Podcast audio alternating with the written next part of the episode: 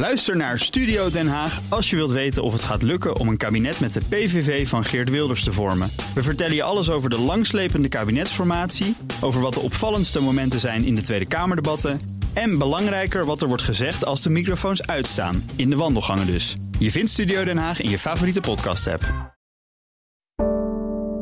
Een goedemorgen van het FD. Ik ben Paulien Suster en het is woensdag 6 december.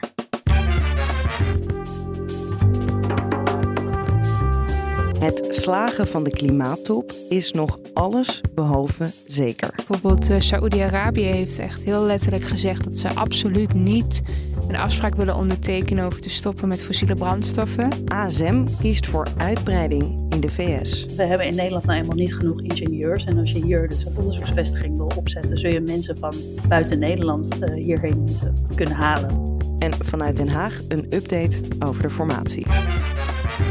Dit is de dagkoers van het FD. Terwijl vandaag de nieuwe Tweede Kamer wordt beëdigd, is de kabinetsformatie nog in volle gang. Nu de VVD roept niet te willen regeren, lijkt een meerderheidskabinet over rechts lastig. Maar ook een minderheidskabinet is complex. Politiek verslaggever Puxi vertelt je straks waarom. Maar eerst praat hierbij over de huidige voortgang. Vorige week zijn alle fractievoorzitters in de nieuwe Tweede Kamer langs geweest bij verkenner Ronald Plasterk. En daar hebben zij aangegeven welke coalitiemogelijkheden zij voor zich zien. En een groot deel van de lijsttrekkers heeft daarbij aangegeven dat zij denken dat de PVV, eh, Nieuw Sociaal Contract, de VVD en de BBB maar eens om tafel moeten gaan zitten om te praten. Ja. En deze week heeft Plasterk daarom de lijsttrekkers van die vier partijen in koppeltjes uitgenodigd voor een tweede ronde gesprekken de VVD en NSC die zijn een beetje huiverig. Wilders die wil het liefst eh, met iedereen uh, om tafel aan rechter uh, flank. Kan je al iets zeggen over of we richting een meerderheidskabinet gaan? Nee, ik denk dat het een formatie is waarin alles mogelijk is. Waarbij de VVD aangeeft, wij hebben tien zetels verloren, ons past een gedogene rol. En waarbij Pieter Omzicht en nu sociaal contract grote moeite hebben met de antirechtstatelijke elementen in het verkiezingsprogramma van de PVV. Geert Wilders zei vorige week: laten we nou gewoon gaan praten, geen taboes, eh, zonder de vorm van een kabinet te bespreken. Laten we gewoon met elkaar gaan praten. Het lijkt nou ja, in ieder geval lastig te worden om op dit moment eh, richting een meerderheidskabinet te gaan. Nou komt ook het woord minderheidskabinet uh, voor. Heeft niet een super goede reputatie in Nederland. Nee, klopt. In 2010 hebben het CDA en de VVD een minderheidskabinet gevormd. En hadden zij vaste uh, steun van de PVV als gedoogpartner.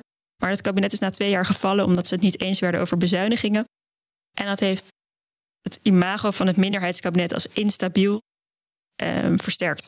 En valt er ook wel iets voor te zeggen? Want jij hebt met experts gesproken. Zien die ook nog positieve kanten? Ja, zeker. Je ziet in Scandinavische landen, Denemarken voorop, maar ook in Canada en Nieuw-Zeeland dat minderheidskabinetten regelmatig voorkomen en met succes. Het ding is alleen wel, daar zijn het vaak centrumrechtse of centrumlinkse partijen die zo'n minderheidskabinet vormen. En de PVV is een radicaal rechtspartij. En politicologen die ik heb gesproken, die zeggen, dat maakt het in Nederland nu wel een stukje moeilijker.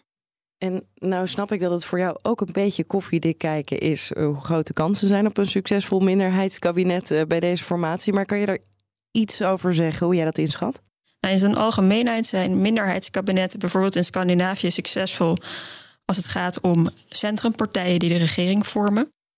Die partijen kunnen dan rekenen op brede steun in het parlement. En er zijn dan meerdere meerderheden. Bijvoorbeeld over rechts op migratievraagstukken of over links als het gaat om sociale kwesties.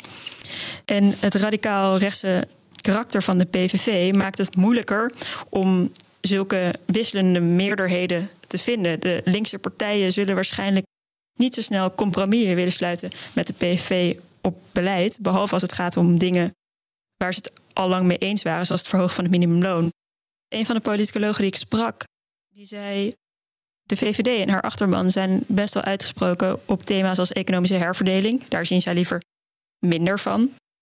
En als de VVD een vaste gedoogpartner zou worden van een PVV-minderheidskabinet, dan zou je daar misschien afspraken over moeten maken over dat soort grote kwesties.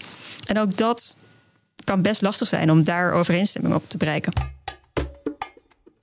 De klimaattop in Dubai is over de helft, maar een succesvolle uitkomst is nog altijd onzeker.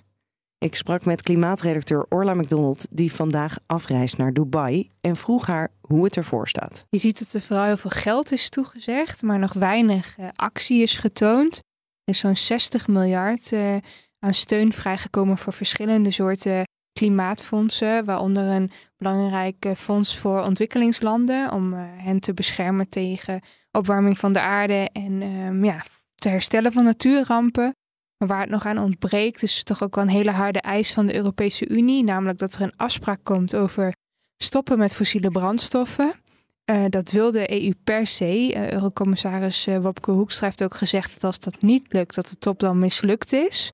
Dus dat staat ze nog de tweede week te doen, want het heeft nog alle schijn van dat zo'n afspraak nog niet echt gaat lukken. Als we dan ook gelijk bij Wopke Hoekstra zijn, vandaag gaat hij voor het eerst ook spreken op de top. Wat is dan de inzet? Wat staat hem te doen om daar wel toe te komen?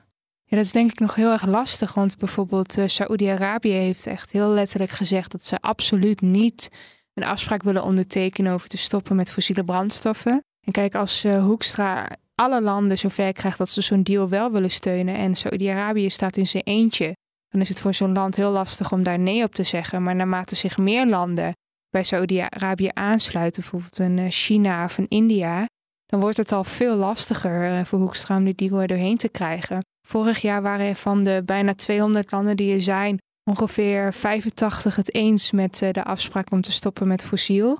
Dus dat is nog niet eens de helft. nu zijn het er wel wat meer, heb ik gehoord. Maar ja, het is nog best wel een klus om dat voor elkaar te krijgen. Ja, en is dan alleen geld ook genoeg?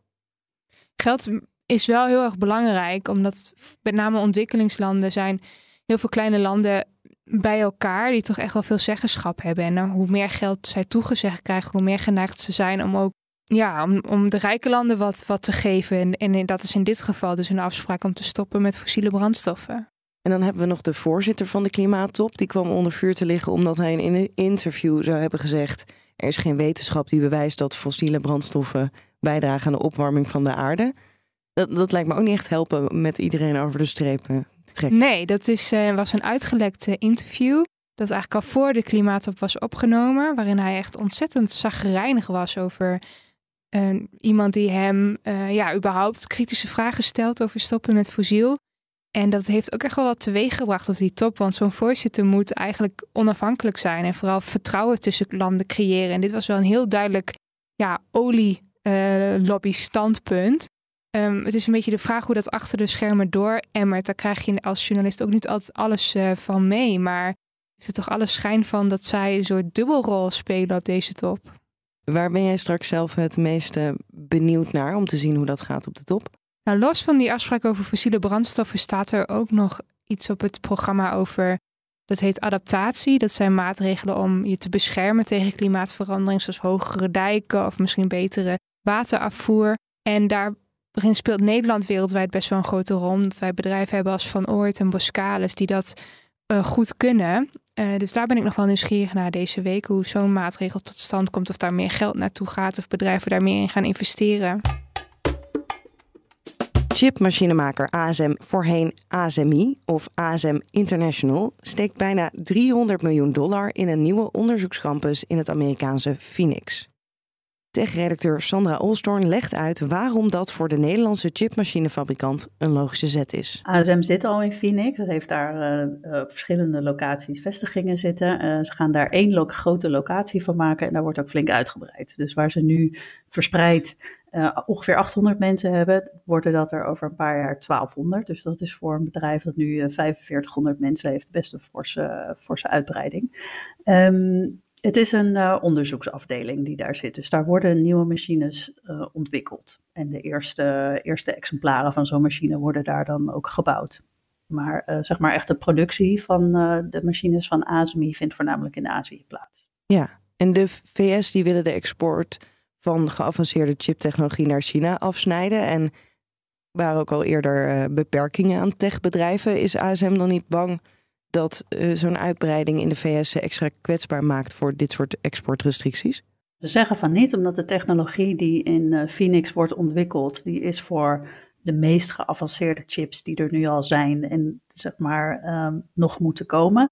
En uh, in China lopen ze al achter in generaties chips die ze daar kunnen maken. Dus de, de chips die door Intel en TSMC en zo gemaakt kunnen worden, die kunnen al nu niet door Chinese bedrijven worden gemaakt. Dus, dus zegt ASMI, maakt niet uit. De producten die we daar ontwikkelen in Phoenix, die mogen nu al niet naar China. Dus in die zin verandert er voor hun niet zoveel. En als we naar ons kijken, betekent dan ook dat die Amerikaanse uitbreiding uh, voor Europese activiteiten betekent dat daar niet wordt uitgebreid? Nou, kijk, het is natuurlijk wel heel interessant. ASMI noemt, of ASM, ze hebben zichzelf dit jaar uh, gerebrand naar ASM is een Nederlands bedrijf. Het is opgericht door Arthur Del Prado. Hoofdvestiging zit in, hoofdkantoor zit in Almere, maar er werken relatief weinig mensen in Nederland. Er zijn er ongeveer 200 op het hoofdkantoor. Productie voornamelijk in Azië.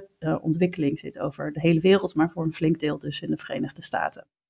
En ze hebben al eerder dit jaar een uh, flinke investering bekendgemaakt in hun fabriek in Zuid-Korea. Nou, nu gaan ze dus in, uh, in de Verenigde Staten uh, investeren. Zij hebben ook gezegd eerder dit jaar dat ze een investering in Europese activiteiten hebben gepland. Dat is ook niet zo heel raar, want ze hebben vorig jaar een Italiaans bedrijf overgenomen. Dus het ligt voor de hand dat ze dat allicht willen uitbreiden.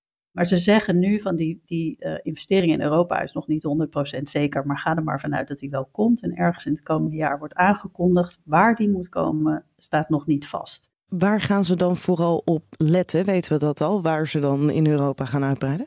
Nou, die uh, vestiging in Europa zal zich ook weer voornamelijk concentreren op um, uh, onderzoeksfuncties, hè, onderzoek en ontwikkeling, nieuwe ontwikkeling van nieuwe producten. En, ja, en dan is een hele belangrijke overweging, waar kun je de juiste mensen uh, vinden? Nederland is zeker ook een, een kandidaat voor die uitbreiding, zegt de CFO. Alleen zegt hij ook dat hij zich zorgen maakt over het vestigingsklimaat in Nederland. Nou, dat hebben we natuurlijk van heel veel ook techbedrijven gehoord de afgelopen maanden. De, de voorstellen die zijn gedaan over het afschaffen van de belastingkorting voor nieuwe expats is niet zo lekker gevallen in die, die sector. En ook ASMI waarschuwt dat als dat doorgaat, dat dan het moeilijker wordt om mensen aan te trekken. Want we hebben in Nederland nou eenmaal niet genoeg ingenieurs. En als je hier dus een grote vestiging, onderzoeksvestiging wil opzetten, zul je mensen van buiten Nederland hierheen moeten kunnen halen. En daar heb je aantrekkelijke arbeidsvoorwaarden voor nodig.